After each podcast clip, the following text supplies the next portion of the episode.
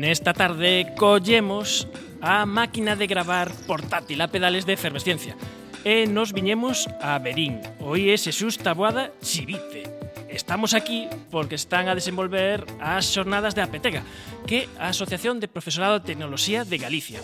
E nos infiltramos nestas xornadas que tiveron lugar o venres e o sábado e quixemos aprender as cousas que os profes de tecnoloxía están aprendendo. E o curioso é que hai obradoiros, hai demostracións didácticas e hai profesores que enseñan os profes de tecnoloxía como facer cousas mm, máis interesantes e levalas na aula. E temos aquí connosco algún dos profesores. Por exemplo, temos a Maya. Maya, moi boas tardes. Buenas tardes. Ti és profe de Minecraft aquí neste nestas sonadas da Petega. Sí. Eh, que tal se portaron os profes de tecnoloxía? Moi ben. É unha indiscreción. Normalmente eu non fago isto os nosos convidados, pero podes dicirme cantos anos tes? Teño 10 anos. 10 anos. Xa votaba unha cousa así. Eh, Daniel Pizarro, moi boas tardes. Hola, boa tarde. Bueno, Daniel Pizarro e Maya eh, destes o obradoiro de Minecraft. Que é isto de Minecraft? Pois Minecraft é un xogo de construción e simulación, que é un dos videoxogos máis vendidos no mundo, e tamén un dos videoxogos que máis interés didáctico ten, porque permite é un mundo aberto, no que non se pode compartir as, as construccións, permite facer simulacións de circuitos eléctricos, reaccións químicas, eh, ten as posibilidades educativas do Minecraft son ilimitadas un videoxogo que é educativo e que pode manexar un neno. E a prova evidente é que, que Maya é toda unha experta de, de Minecraft. Canto tempo levas con Minecraft? Pois dous anos, dous anos. aproximadamente. E que foi o máis complexo que fixeches con Minecraft? Unha casa. Unha casa. E os profes, que tal se lles deu o asunto este? Pois foi un que non precisou cais, eh, casi ayuda. Un, un viña sabido de casa. E os outros? Bueno, unos se puso como a miña nai. Eh, como, como se pon a túa nai, que anda por aquí tamén. Ue, pois se puso a, a gritar porque quería hacer un sótano e... E... É mellor empezar por cosas doadas, non? Sí. Claro, ese, ese un dos consellos. Bueno, temos que dicir eh, que Daniel Pizarro é o pai de Maya, Daniel Pizarro é profe de tecnoloxía, membro de, de, de APTEGA, e eh, E como se leva isto de levar os videoxogos á aula? Eh, temos todavía estamos preparados para isto porque supoño que haberá no, moitas no. reticencias. Sí, moitísimas. O, a palabra videoxogo é eh, eh, todo que sexa lúdico. Eh, no, sus... sí, sí, pero eu comecei o obradoiro precisamente dicindo que para min esa vai ser a seguinte revolución didáctica. Agora estamos na época da programación, a robótica, eh, similar Eh, tamén estamos introducindo a ludificación, mal chamada gamificación, e os videoxogos van ser a vindeira revolución ah, no mundo educativo. Xa están sendo na educación informal, e nalgún momento teremos que introducilos na educación formal. E o Minecraft é dos xogos máis vendidos. Sí, sí, é o xogo máis vendido do mundo. Sí. E cal é o objetivo do xogo? O xogo é un mundo aberto no que podes mm, inicialmente construir Mm, podes eh, ter, digamos que ter que liberarte de, de xente que te ataca se, so, se sogas no modo de supervivencia pero no modo construción o límite a túa imaginación podes construir cidades, podes construir transportes, podes, mm, podes modificar os bloques para que teñan distintas propiedades. Entón, a nivel educativo, realmente é un mundo de simulación, podes simular tecnoloxía, podes simular física, podes simular química, podes simular bioloxía. É un mundo aberto e, eh, ademais curiosamente, con, con poucos recursos. Non necesitas un superordenador nin unha superconsola para, para xogar ao Minecraft. O sea que a nivel informático tamén é tamén é un produto ben interesante. Porque quen está atrás deste xogo? Este xogo era un xogo independente, e eh, logo foi adquirido por, por Microsoft, De feito, sacaron unha versión que é Minecraft Edu, que eh, co cal teñen interés que se vai introducindo nas escolas e nos institutos. Eu, bueno, aí a ese nivel son un pouco reticente, pero realmente o xogo está moi ben. Ao principio era un, unha produtora independente que, que fixo un traballo ben feito. Eh, que cousas, eh, Maya, acaba de aprender destes dous anos xogando Minecraft sen ela sabelo? Pois mira, aprendeu propiedades dos materiais, aprendeu como xestionar os seus recursos, aprendeu a ter iniciativas de, bueno, vou explorar, a ver que investigo, é dicir, está desenvolvendo as súas capacidades investigadoras, experimentais, está sendo unha pequena científica eh, nun mundo virtual, pero iso é moitas veces o que intentamos facer no, nos laboratorios de ciencia e nos talleres de tecnoloxía nos, nos institutos, non? facer pequenas investigacións, pequenos proxectos de exploración, investigación, ver como se comporta o mundo. Uh -huh. Usamos simuladores, o Minecraft é un simulador. E Maya, cantos libros de, de Minecraft tes? Pois... Eh, teño tres que non os entendo moi ben e un que me comprou o meu pai hace, eh, hace pouco que, que me axudou. Ese vale a pena. Porque como a curva da, de aprendizaxe? Eh, é difícil iniciarse? Para, para os nenos, moi sinxela. Para os adultos, precisamente que non saben manexar un videoxogo... Maya está facendo coa cabeza, pode, na radio non se escoita, pode está facendo que sí. Pero a curva de aprendizaxe é case que horizontal.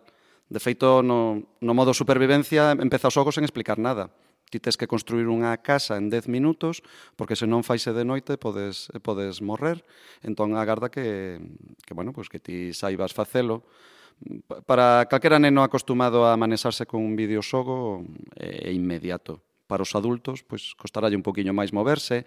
Unha das cousas precisamente que os videoxogos axudan é o tema da orientación espacial, non? Os en días hai estudos que, que demostran que os videoxogos axudan a mellorar un pouco a orientación, o manexo espacial e cando menos, pois pues, isto é algo interesante. Na Coruña hai un centro tecnolóxico de formación en medicina e teñen simuladores eh, para operar, para facer cirurxías, por, por exemplo, para facer laparoscopias e levan moitos anos traballando con eses aparellos e saben que os, os médicos que de rapaces eh, xogaban os videoxogos son moitos máis eh, máis diestros facendo a paroscopia porque son capaces de desligar o que fai a man do que ve o ollo.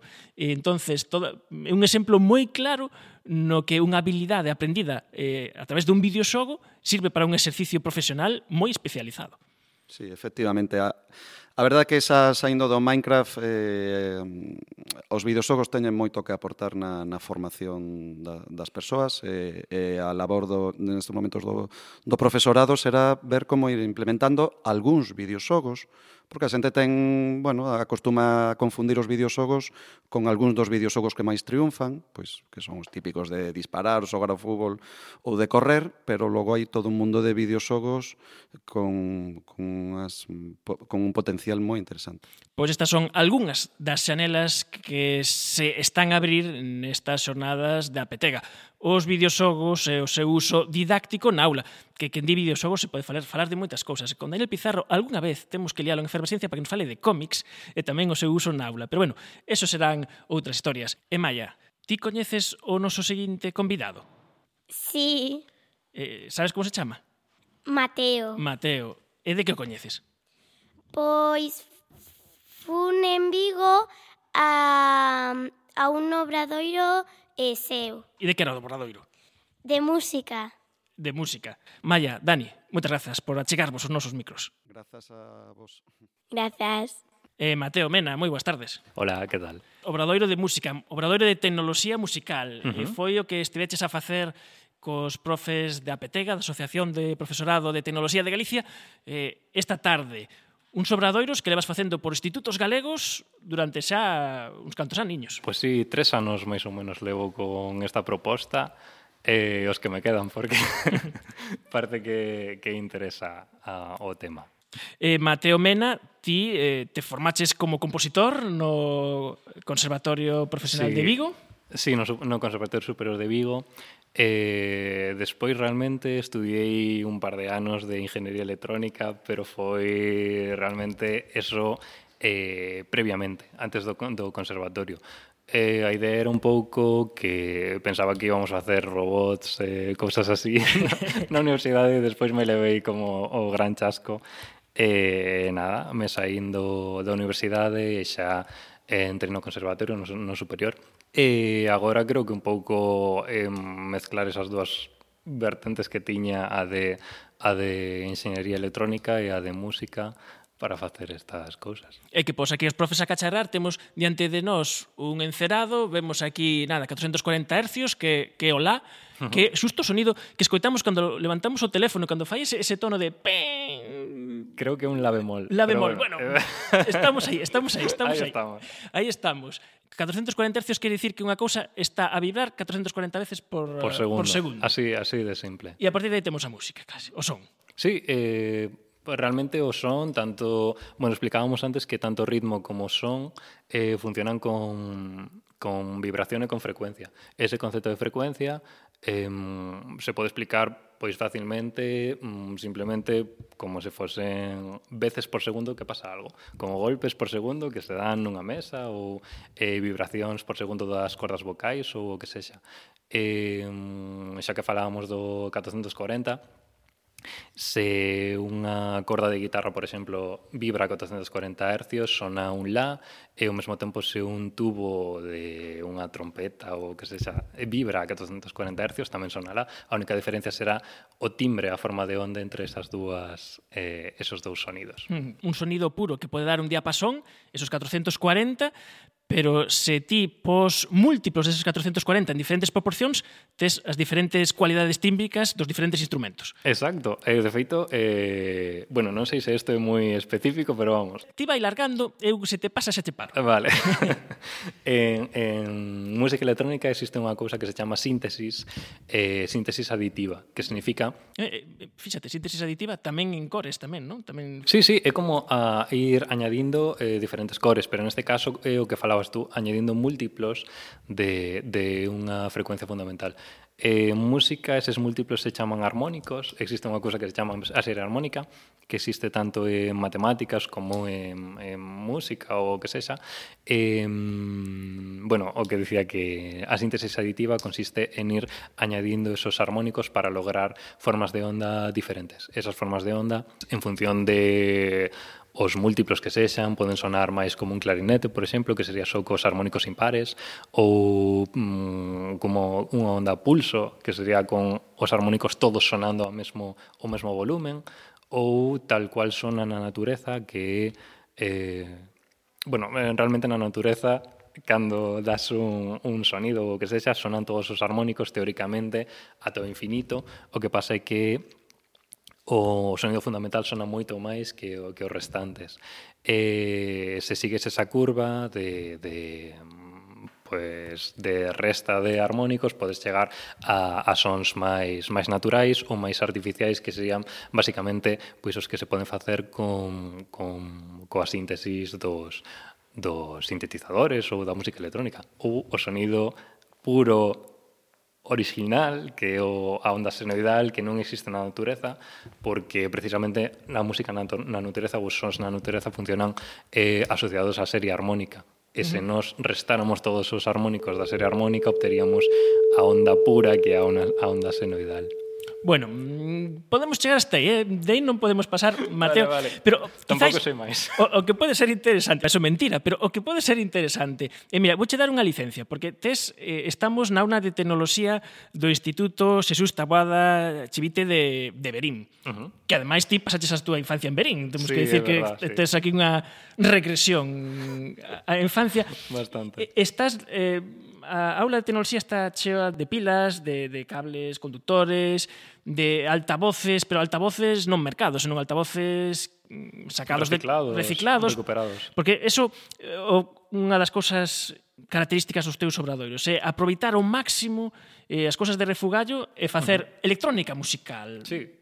A, a idea é esa que, a ver, eu creo que sen ser isto un ataque directo a Arduino ou un ataque a, a, a, eu que sei, as cousas compradas, creo que se, mm, se os rapaces ao chegar a casa teñen eses materiais e non teñen que gastar os cartos en, en compralos, pois como que é máis inspirador e lles pode axudar a seguir traballando, seguir aprendendo. Eh, nada, tes a licenza para para coller algunha das cacharros que tes en riba da mesa, Contanos, que é que tes? Pois aquí o que temos eh, un altavoz que está conectado por unha serie de cables de cocodrilo a un circuito eh, un circuito moi sinxelo. Ese circuito estamos aprendendo como sustituir o condensador simplemente cun vaso con agua, sal e orégano. Non, agua, agua, sal e sal. eh, eh, bueno, estamos facendo un condensador eh, variable como poderían facer os rapaces na casa. E simplemente tamén sirve para eh, entender como mm, como funciona un condensador. Son simplemente dúas placas conductoras, que neste caso serían auga salgada e un material que non conduce electricidade, que sería o dielectro. Eh, agora, observade, cando, cando meto esta... Ahora ten que funcionar. Claro, cando meto a bolsiña ups, na, na, no vaso con agua,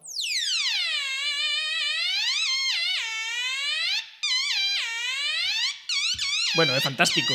Bueno, bueno, eso no, dicir moito. O, o, no, porque o curioso é que estamos afeito o, o noso mundo digital eh, de que podemos facer un montón de cousas, efectos, eh, cunha tableta, cun, cun teléfono, e non valoramos precisamente o de producir a música electrónica, to, todo, todo claro. este traballo. E isto totalmente ana, eh, analóxico. É, é, é analóxico, eu creo que o interesante desto é que Obviamente, se traballamos só con, con aplicacións do móvil ou así, metendo sonidos, só vamos a poder facer os sonidos que alguén quere que fagamos o programador, sí, nas sombras, o programador quería só que pudiéramos facer esos sonidos. Pero neste caso, pois podemos seguir investigando ata chegar ao noso sonido, que é tamén interesante, mmm, que, bueno, houbo como dúas, dúas correntes en música electrónica, a, a a costa este ou costa oeste.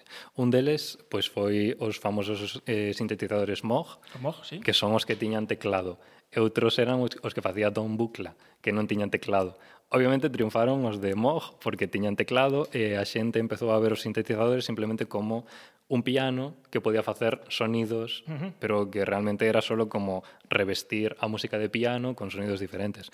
Pero o interesante do outro fulano, Don Bucla, é que nunca puxo teclados os, os seus aparellos. Entón, estaban máis enfocados ao arte sonoro ou á experimentación e á investigación en música electrónica. Entón, no ano 69, sí, eh, no ano 65, 74, 65 se crearon os primeiros sintetizadores. E no 69 saiu Switch Don Bach de Wendy Carlos, que era simplemente... Wendy Carlos. Uh -huh. Walter, eso. na época era Wal Walter sí, Carlos. porque hubo, hubo un, un cambio de unha resignación de, de, de xénero uh -huh. que precisamente isto que estamos escutando por aquí abaixo. Eh, Concerto Brandenburgo número 3.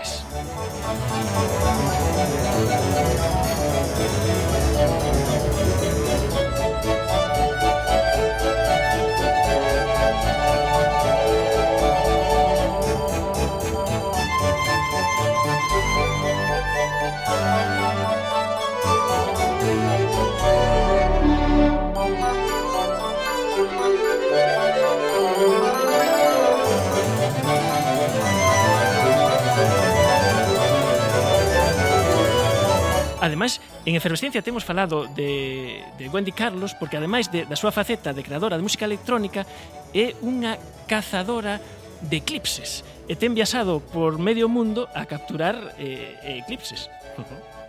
Pois sí, eh, bueno, eh, pero o caso é que oh, este CD que foi mm, un dos primeiros eh, de grabacións comerciais de, comerciais de música electrónica eh, do ano 69 e é unha pena porque tamén nese ano saiu o Silver Apples of the Moon de Morton Subotnick que estaba feito con un sintetizador eh, bucla e de sonantes.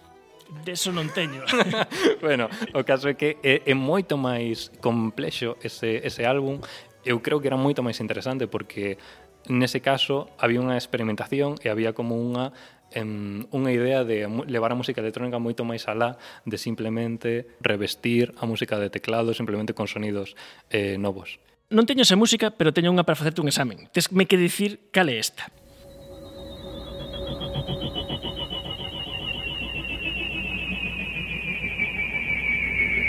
Ah, isto é o aserejé das ketchup. Entón,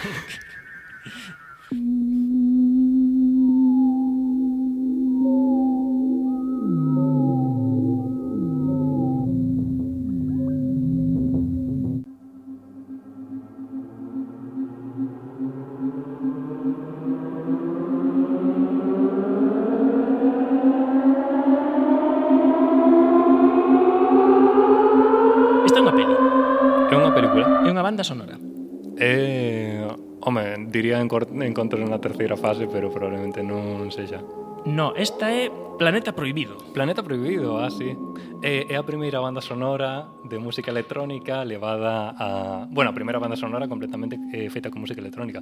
É do ano 74. Mm, no, coido que é máis recente. Vale, máis teño, recente. Teño que mirar aquí a miña chuleta. 56. 56? Sí, sí, non sí, podes. Sí. Ah, claro, claro, claro, claro, porque estábamos falando dos sintetizadores, pero aínda antes. Isto, isto, claro, isto, isto, isto son cosas como as túas. Sí, sí, antes nos anos 50 cando eh, comprar un, un oscilador un oscilador era como mil dólares ou o que se pudiera permitir eran aparellos como radios e simplemente podían facer sonidos eh, senoidais eh, bueno, ata os anos 50 non se mm, non sei realmente o, o transistor cando sustituiu as mm. válvulas, pero debeu, debeu ser por esa por esa época, pero ata ese esa chegada do transistor non foi como accesible a máis persoas eh, os circuitos electrónicos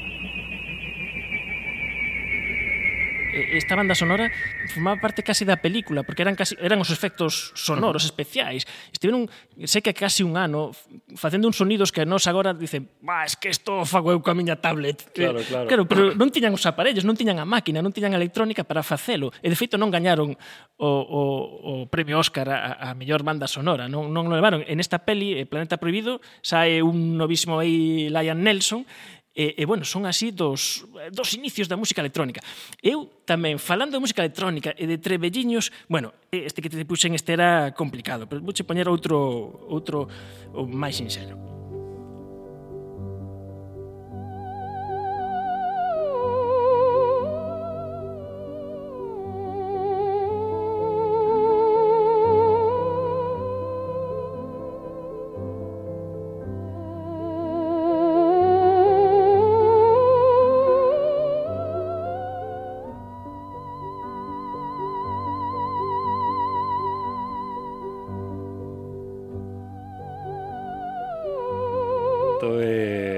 eh, O Cisne, de Camille Saint-Saëns, eh, probablemente tocado por Lidia Cabina ou Clara Rockmore. Clara Rockmore. Clara Rockmore.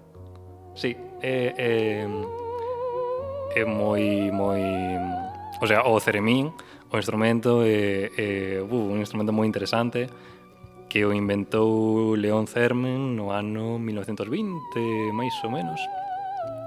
Eh, a idea é que en principio non era un instrumento, era unha instalación con dúas placas e unha bailarina que bailaba no medio. Ah, mira, eso non o sabía. Pois pues, sí, era, era como unha especie de instalación, pero causou tanto tanto interés que o re, reordenou, reorganizou como se fose un instrumento musical e, bueno, eh, ten dúas antenas, unha serve para controlar o volumen e outra o, o timbre é interesante porque é o instrumento que se toca sen tocar realmente, porque o que estás é afastando e achegando as mans e cortando, por así decirlo, un campo e iso pois repercute na, na bueno, non na sonoridade, na frecuencia e na amplitude da, da, estas notas. A historia de, de, de Cermen este, de Lev Sergevich Cermen, é, é apaixoante, hai un documental por aí que contan unhas cosas increíbles como estaba en Estados Unidos, como foi famoso, como logo desapareceu, volveu a aparecer en Rusia, non se sabe se, se secuestrado ou, ou, ou non, ou como logo acabou traballando para o KGB e facendo trebellos para espiar, espiar os americanos. Bueno, unha historia absolutamente fascinante, todo ao redor da música electrónica, pero ti falabas das maravillas do Ceremín min, pero das cousas que ti acabas de enseñar aos profesores, hai cousas que poden manexar eh, os nenos pois co seu propio corpo, facer música uh -huh. co seu propio corpo, con lápis, facer música con luz, uh -huh. eh, todo eso que era tecnoloxía de vanguarda hai un século, agora a podemos facer na casa. Sí, eh, é curioso, pero bueno, é como funciona a tecnoloxía, como avanza tan rapidamente, se cadra no dentro de 20 anos o que teñamos nos vertedeiros sean como arduinos e eh, eh, traballemos con arduinos porque sexa o, o, o lixo que nos queda, creo eu. Pero non sei, eu tamén é que me imagino o futuro un pouco como o Mad Max que cada un co seu no sei, na súa casa co súa pila de lixo intentando facer algo con eso, pero eso xa é eh, a miña visión distópica. E, e falando de, eh, de, do mundo digital, do mundo analóxico, ti tes eh, a túa faceta de inventor, de, de creador, eh, de creador sonoro, de creador de, de hardware, que o que se lle podes pegar unha patada cando non funciona, e tes os hipercubos. Uh -huh. E os hipercubos eh, son uns cacharriños que empezaron como unha broma, pero a cousa deu moito de sí. Bueno, o da broma, sí. Eh, empezaron como un proxecto para unha residencia en Portugal eh, no ano 2014 Eh, en principio eran, por así dicilo, como pisapapéis, e dentro tiñan un circuito electrónico e tú se xuntabas pois tres ou cuatro e podías facer unha, un sonido determinado. Pero bueno, que eso non funcionou porque eh, estaban feitos a man e os tiña que lixar a man, entonces non aí aprendín que a liña recta non existe feita polo home, a ten que facer unha máquina. Entonces eh, foi evolucionando o proxecto e ao final os fixen con eh, placas de metacrilato eh, xuntas, como se fosen un puzzle, E eso, pois é exactamente igual que un eh, sintetizador dos anos eh, 60, O que pasa é que en lugar de cables, que normalmente os sintes pois teñen eh, buracos e tú vas metendo cables, en lugar de eso o que faz é conectar cubos. Modular totalmente. É totalmente modular, sí. Eh, en función de como os conectes, pois obtes un resultado sonoro ou outro. Podes meter pois un filtro modificando a, un, a unha nota directamente ou modificando un volumen e xa sona diferente.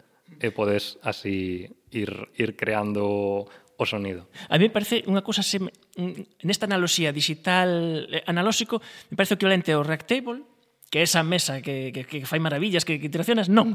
O equivalente O, é, é difícil porque o Ractable o que pasa é que o que ve unha persoa son esos cubos, pero realmente é un, é un, un controlador MIDI porque tú necesitas un, un ordenador dentro para cargar os samples. Entón, é eh, o que o, o cubo é o co. O man, é a manipulación. É a, mani é a manipula o interfaz. O interfaz é bastante parecido, vale? Mm. Pero o, o mm, contexto, non sei como dicilo, o, o concepto é, é bastante diferente. Bueno, me parecía, eh? Desde. Sí, pero eh, realmente me, me, mo dixeron, me, me, mo dixeron moitas veces e por eso estou bastante queimado. no, pero me, me dixeron moitas veces que era ah, a Reactable e... Eh, eh, bueno, no. Eh, estamos a falar con Mateo Mena, que é compositor, eh, ten esta componente de faino por ti mesmo, de manexar a electrónica, de ser o máis autosuficiente posible, de darlle os miolos, de construir cousas. Poñeremos nas nosas redes eh, algunhas das fotos eh, das cousas que fai Eh, eh, seguro que o mellor hai algún profe de instituto que te quere levar para lá, ti vas encantado, non? Ah, sí. Mentre eh, haya pulpo de comida. Eh, sí, bueno, xa nos ten pasado algunha xente que traemos a Fervesciencia que nos algúns, algúns profesores e din, bueno, isto o quero eu, eu para o meu centro, eh, eh, nos, home, non levamos comisión, pero nos alegramos moito eh, de poder crear estos nexos, estes contactos. E decías que, bueno, si medio de broma, que si poñemos unha cousa túa ou non, isto que si estamos escoitando agora Isto si sí é teu.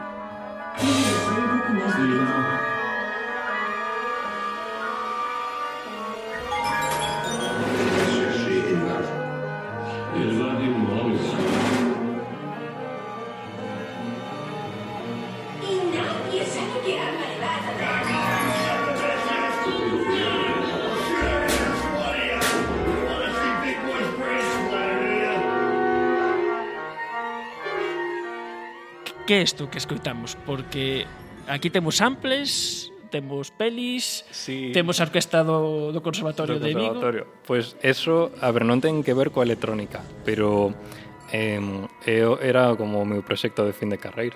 Era como un, unha peza que estaba feita con trozos de pelis e logo a orquesta tocando por encima, e guitarra eléctrica tamén e, e piano. Venga, vamos, vamos a sonar.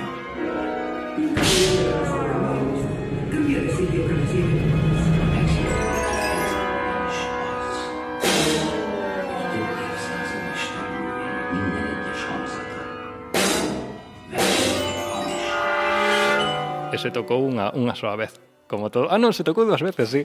O, o, o, unha vez en Santiago e o seguinte día en, en Vigo. A estrella mundial. Sí, e despois a, a...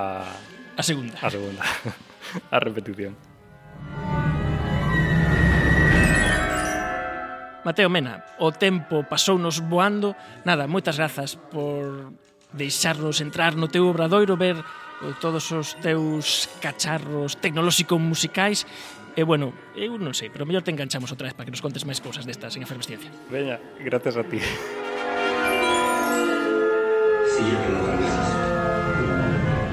Estamos felices, contentos, de compartir este tempo no que estamos aprendendo unha chea de cousas nesta aula de tecnoloxía do IES Xesús Taboada Chivite.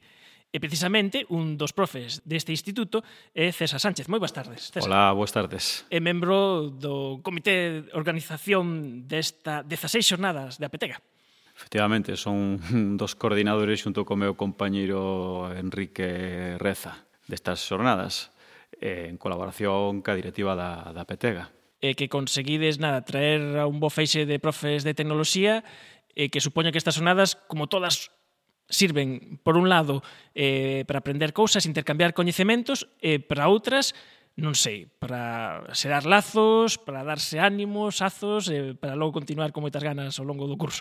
Sí, sí, efectivamente. Eh, unha das cousas é que acabas vendo xente que levabas anos sen ver, ou algún compañeiro de facultade, ou sorprendéndote eh, de xente que é daqui de Berín, como o caso de Mateo Mena, que eu non, non o sabía, e efectivamente vai a vir aquí a este instituto xa a dar un obradoio. Xa está fichado. Xa está fichado, xa está fichado. E, que cousas, que tipo de cousas, que tipo de obradoiros, por decir eso, algún nome de cousas eh, houve durante estas jornadas? Pois mira, eh, realmente eh, foron unhas xornadas eh, tocando o que é a actualidade no mundo da tecnoloxía en torno que a robótica, a programación, a impresión 3D. Entón, eh, todos os compañeiros que viñeron son expertos en toda esta temática. Como está a tecnoloxía actualmente? Como porque os profes de, de, de tecnoloxía a veces moitas veces sodes como os grandes esquecidos eh, no sistema educativo, eh, moitas veces eh, cando temos falado con vos, vos laiades, decir que, bueno, que os temarios cambian casi cada curso, eh, como estamos agora? Eh, bueno, non corren vos tempos para a tecnoloxía, igual que para outras eh, materias. Ben é certo que eh, toda esta nova temática que rodea a programación, a robótica está un pouco facendo reflotar o que a tecnoloxía. Pero mm, teño que decir que eso non implica eh, creación eh, de novas plazas eh, de profesorado. De feito, non me lembro cando foi o último ano que hubo eh, oposicións eh, con plazas de, de tecnoloxía. Entón, desde este punto de vista, eh, estamos un pouco eh, a marxe. Pero eu creo que toda a dinámica a que se tende, que a que nós estamos tratando nestas eh, xornadas, eh, poden axudar un pouco a, a, a levantar o que é o profesorado de tecnoloxía. Como te dices, aquí, eh, ao fin e ao cabo, son as xornadas de divulgación, donde un dos obxectivos principais é intercambiar material para poder levarnos ás aulas eh, porque hai unha problemática tamén asociada é eh, que todo este material que está chegando ás, ás aulas é un material que precisa estar rodeado de outro material co que sexa compatible. Por poñerche un exemplo, vamos a ter uns obradoiros con Raspberry que precisan de pantallas con HDMI e unha conexión tamén a un cañón HDMI. Este centro Mm. non é porque sea o centro onde estou eu, senón que eh, teño que dicilo, todas as aulas teñen cañóns. Sin embargo, somente dispoñíamos dun cañón con entrada HDMI hmm. e pantallas, xa nin che conto tamén. O sea, que eh, o, o voso eh, traballo, o material que necesitades, ten que estar ben pensado para poder quitar todo o partido que se pode quitar, senón quedan as cousas sin utilizar. Claro. Efectivamente, efectivamente. Eh, o que está pasando agora é que neste proceso de cambio están chegando materiais aos, aos centros, como son equipos de Arduino, de Raspberry, pero, por exemplo, para traballar cos Arduinos, o que a Raspberry necesitamos un soporte informático acorde eh, con este material. Eh, aquí temos ordenadores que xa están desfasados, entón tamén eh, os centros teñen que facer moitas veces coas súas, os seus propios eh, fondos, facer dotacións, eh, hoxe en día é complicado. entonces estamos en, nun proceso de cambio, pero que eh, é eh, un proceso de cambio mm, donde temos que ter moita axuda dende fora, porque os centros por si sí solos non poden afrontar eh, este cambio. Digo che xa isto como membro dun equipo directivo deste centro, donde nos vemos que estamos recibindo material, pero ese material temos que mm, acompañar de aulas diferentes, eh, montadas, eh, tamén unha formación boa de profesorado, que estas xornadas axudan moitísimo eh, a eso, pero fundamentalmente temos que ter, pois, por exemplo, ordenadores que acompañen a este novo material E iso é unha inversión grande, con aulas novas, con mesas novas, con espacios novos, entón, dende ese punto de vista, temos que ter axudas dende fora. E nos, como centro, xa fixe, temos tres aulas de informática, pero mm, e agora vamos a dotar un aula de robótica, pero con fondos do centro. Pero claro, iso nos pega un, un golpe no que son os presupostos que nos temos que manexar. Uh -huh eh, desde Efervesciencia eh, opinamos ou estamos vendo como está cambiando moi rapidamente o mundo da, da educación. A educación de agora non ten nalgúnas cousas moito que ver coa que tivemos nós na nosa época ou coa que tiveron xeracións anteriores. Eh, parte deste cambio, parte da importancia deste cambio eh, está fundamentalmente nesta asignatura nesta consulta asignaturas que son a tecnoloxía. E desde aquí, bueno, pois queremos dar un, un apoio importante aos profesores que estades aí traballando en toda esta área do, de coñecemento. Pois nada, eh, César Sánchez, membro do, do comité eh, organizador destas 16 xornadas de tecnoloxía da Petega, da Asociación de Profesorado de Tecnoloxía de Galicia. Nada, moitas grazas por, por acollernos Pois moi ben, grazas por vir aquí a Berín. Tamén teño que dar as grazas aos 60 persoas inscritas que están nestas xornadas, a todos os ponentes que viñeron e tamén ao Concello de Berín que na xornada de apertura tuvemos unha xornada de apertura eh, nun auditorio eh, nun espacio eh, moi bo para traer a David Ballesteros que é un gran eh, divulgador. Gracias. E colaborador deste programa. Música